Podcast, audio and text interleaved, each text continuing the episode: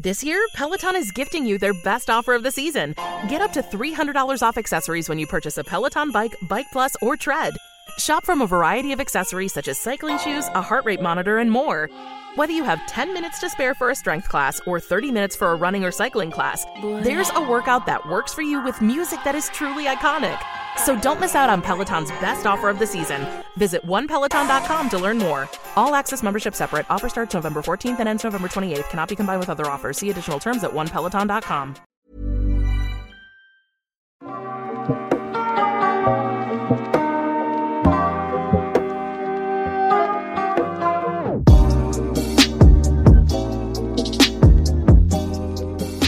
Hi, my name is Zach, and together with Wikipedia, I'll help you fall asleep.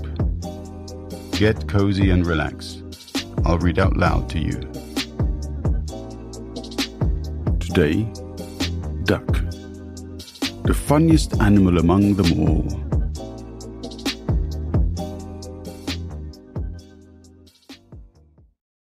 Duck is a common name for numerous species of waterfowl in the family Anatidae. Ducks are generally smaller and shorter necked than swans and geese, which are also members of the same family. Divided among several subfamilies, they are a form taxon. They do not represent a monophyletic group, since swans and geese are not considered ducks. Ducks are mostly aquatic birds, mostly smaller than the swans and geese, and may be found in both freshwater and seawater. Ducks are sometimes confused with several types of unrelated water birds with similar forms, such as loons or divers, grebes, gallinules, and coots. Etymology The word duck comes from Old English duca, diver, a derivative of the verb duken, to duck, bend down low as if to get under something, or dive, because of the way many species in the dabbling duck group feed by upending. Compare with Dutch duiken and German tauchen, to dive. This word replaced Old English enid, enid, duck, possibly to avoid confusion with other words like ender, end, with similar forms. Other Germanic languages still have similar words for duck, for example, Dutch eend, German enter, and Norwegian and. The word init or init was inherited from Proto Indo European. A duckling is a young duck in downy plumage or baby duck, but in the food trade, a young domestic duck which has just reached adult size and bulk, and its meat is still fully tender, is sometimes labeled as a duckling. A male duck is called a drake, and the female is called a duck, or in ornithology, a hen. Taxonomy All ducks belong to the biological order Anseriformes, a group that contains the ducks, geese, and swans, as well as the screamers and the magpie goose. All except the screamers belong to the biological family Anatidae. Within the family, ducks are split into a variety of subfamilies and tribes. The number and composition of these subfamilies and tribes is the cause of considerable disagreement among taxonomists. Some base their decisions on morphological characteristics, others on shared behaviors or genetic studies. The number of suggested subfamilies containing ducks ranges from 2 to 5. The significant level of hybridization that occurs among wild ducks complicates efforts to tease apart the relationships between various species. In most modern classifications, the so called true ducks belong to the subfamily Anatinae, which is further split into a varying number of tribes. The largest of these, the Anatini, contains the dabbling or river ducks, named for their method of feeding primarily at the surface of fresh water. The diving ducks, also named for their primary feeding method, make up the tribe Anatini. The sea ducks of the tribe Mergini are diving ducks which specialize on fish and shellfish and spend a majority of their lives in salt water. The tribe Oxyurini contains the stiff tails, diving ducks notable for their small size and stiff, upright tails. A number of other species called ducks are not considered to be true ducks and are typically placed in various other subfamilies or tribes. The whistling ducks are assigned either to a tribe in the subfamily Anatinae or the subfamily Anserinae, or to their own subfamily or family. The freckled duck of Australia is either the sole member of the tribe Stictonetini in the subfamily Anserininae or in its own family, the Stictonetinae. The shelducks make up the tribe Tadornini in the family Anserininae in some classifications and their own subfamily Tadorninae. In others, while the steamer ducks are either placed in the family Anserininae in the tribe Tachyerini or lumped with the shelducks in the tribe Tadornini. The perching ducks make up in the tribe Cairinini in the subfamily Anserininae in some classifications, while that tribe is eliminated in other classifications and its members assigned to the tribe Anatini. The torrent duck is generally included in the subfamily Anserininae in the monotypic tribe Merganetini, but is sometimes included in the tribe Tadornini.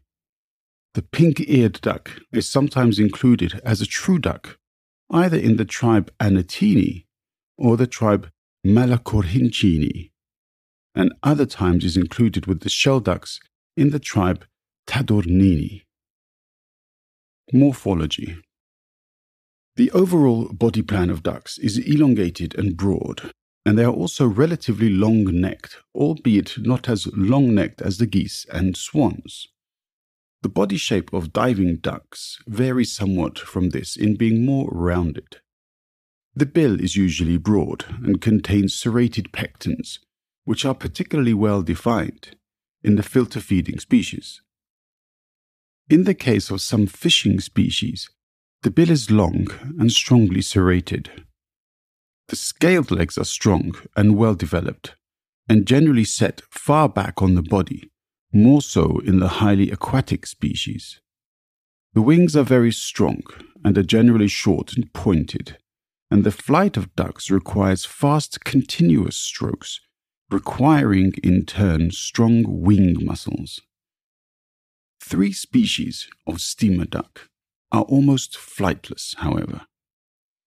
Many species of duck are temporarily flightless while molting.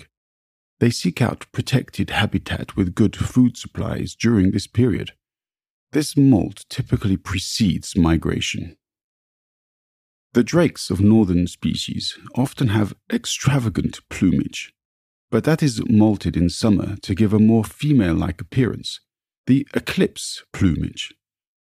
Southern resident species typically show less sexual dimorphism, although there are exceptions, such as the paradise shelduck of New Zealand, which is both strikingly sexually dimorphic and in which the female's plumage is brighter than that of the male. The plumage of juvenile birds generally resembles that of the female. Over the course of evolution, female ducks have evolved to have a corkscrew shaped vagina to prevent rape. Distribution and habitat. Ducks have a cosmopolitan distribution and are found on every continent except Antarctica. Several species manage to live on subantarctic islands including South Georgia and the Auckland Islands. Ducks have reached a number of isolated oceanic islands, including the Hawaiian Islands, Micronesia, and the Galapagos Islands, where they are often vagrants and less often residents. A handful are endemic to such far flung islands.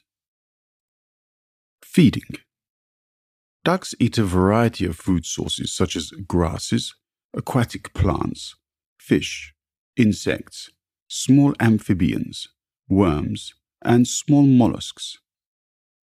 Dabbling ducks feed on the surface of water or on land, or as deep as they can reach by upending without completely submerging. Along the edge of the beak, there is a comb like structure called a pecten. This strains the water squirting from the side of the beak and traps any food. The pecten is also used to preen feathers and to hold slippery food items. Diving ducks and sea ducks forage deep underwater. To be able to submerge more easily, the diving ducks are heavier than dabbling ducks and therefore have more difficulty taking off to fly. A few specialized species, such as the mergansers, are adapted to catch and swallow large fish.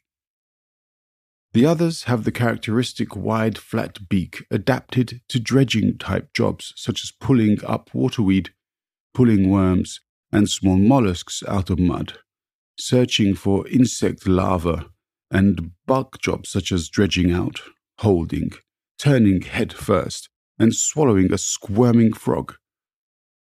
To avoid injury when digging into sediment, it has no cere, but the nostrils come out through hard horn. The Guardian published an article advising that ducks should not be fed with bread because it damages the health of the ducks and pollutes waterways. Breeding Ducks generally only have one partner at a time, although the partnership usually only lasts one year. Larger species and the more sedentary species tend to have pair bonds that last numerous years. Most duck species breed once a year, choosing to do so in favorable conditions. Ducks also tend to make a nest before breeding, and, after hatching, lead their ducklings to water. Mother ducks are very caring and protective of their young, but may abandon some of their ducklings if they are physically stuck in an area they cannot get out of, or are not prospering due to genetic defects or sickness brought about by hypothermia, starvation, or disease. Ducklings can also be orphaned by inconsistent late hatching, where a few eggs hatch after the mother has abandoned the nest and led her ducklings to water. Most domestic ducks neglect their eggs and ducklings, and their eggs must be hatched under a broody hen or artificially.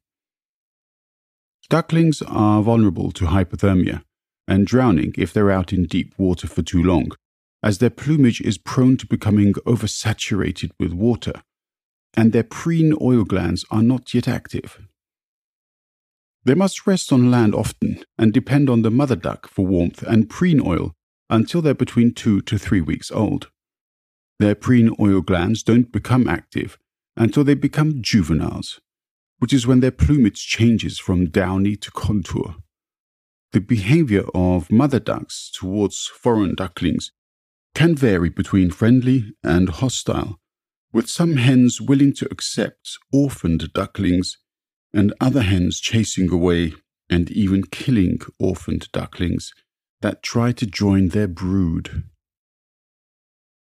Communication Female mallard ducks make the classic quack sound, while males make a similar but raspier sound that is sometimes written as breeze. But despite widespread misconceptions, most species of duck do not quack. In general, ducks make a wide range of calls, ranging from whistles, cooing, yodels, and grunts. For example, the scaup, which are diving ducks, make a noise like scalp. Calls may be loud, displaying calls, or quieter contact calls. A common urban legend claims that duck quacks do not echo. However, this has been proven to be false. This myth was first debunked by the Acoustics Research Centre at the University of Salford in 2003 as part of the British Association's Festival of Science. It was also debunked in one of the earlier episodes of the popular Discovery Channel television show Mythbusters. Predators Worldwide, ducks have many predators. Ducklings are particularly vulnerable since their inability to fly makes them easy prey, not only for predatory birds, but also for large fish like pike, crocodilians, predatory testudines, such as the alligator snapping turtle, and other aquatic hunters, including fish eating birds such as herons. Ducks' nests are raided by land based predators, and brooding females may be caught unaware on the nest by mammals such as foxes or large birds such as hawks or owls. Adult ducks are fast flyers, but may be caught on the water by large aquatic predators, including big fish such as the North American muskie and the European pike. In flight, ducks are safe from all but a few predators, such as humans and the peregrine falcon, which regularly uses its speed and strength to catch ducks. Relationships with humans. Humans have hunted ducks since prehistoric times. Excavations of middens in California dating to 7800 to 6400 BC have turned up bones of various species of duck, including at least one now extinct flightless species. Ducks were captured in significant numbers by Holocene inhabitants of the lower Ohio River Valley, suggesting they took advantage of the seasonal bounty provided by migrating waterfowl. Neolithic hunters in locations as far apart as the Caribbean, Scandinavia, Egypt, Switzerland, and China relied on ducks as a source of protein for some or all of the year. Archaeological evidence shows that Maori people in New Zealand hunted the flightless Finsch's duck, possibly to extinction, though rat predation may also have contributed to its fate. A similar end awaited the Chatham duck, a species with reduced flying capabilities which went extinct shortly after its island was colonized by Polynesian settlers. It is probable that duck eggs were gathered by Neolithic hunter gatherers as well, though hard evidence of this is uncommon. In many areas, wild ducks of various species are hunted for food or sport by shooting or formerly by being trapped using duck decoys. Because an idle floating duck or a duck squatting on land cannot react to fly or move quickly, a sitting duck has come to mean an easy target. These ducks may be contaminated by pollutants such as PCBs. Domestication Ducks have many economic uses, being farmed for their meat, eggs, and feathers Approximately 3 billion ducks are slaughtered each year for meat worldwide. They are also kept and bred by aviculturalists and often displayed in zoos. Almost all the varieties of domestic ducks are descended from the mallard, apart from the Muscovy duck. The Call duck is another example of a domestic duck breed. Its name comes from its original use established by hunters as a decoy to attract wild mallards from the sky into traps set for them on the ground. The Call duck is the world's smallest domestic duck breed, as it weighs less than one kilogram. Cultural references In 2002, psychologist Richard Wiseman and colleagues at the University of Hertfordshire, UK, finished a year long LaughLab experiment concluding that of all animals, ducks attract the most humor and silliness. He said, If you're going to tell a joke involving an animal, make it a duck. The word duck may have become an inherently funny word in many languages, possibly because ducks are seen as silly in their looks or behavior. Of the many ducks in fiction, many are cartoon characters, such as Walt Disney's Donald Duck, and Warner Brothers' Daffy Duck. Howard the Duck started as a comic book character in 1973 and was made into a movie in 1986. The 1992 Disney film The Mighty Ducks, starring Emilio Estevez, chose the duck as the mascot for the fictional youth hockey team, who are protagonists of the movie. based on the duck being described as a fierce fighter. This led to the duck becoming the nickname and mascot for the eventual National Hockey League professional team of the Anaheim Ducks, who were founded with the name the Mighty Ducks of Anaheim. The duck is also the nickname of the University of Oregon sports teams, as well as the Long Island Ducks minor league baseball team.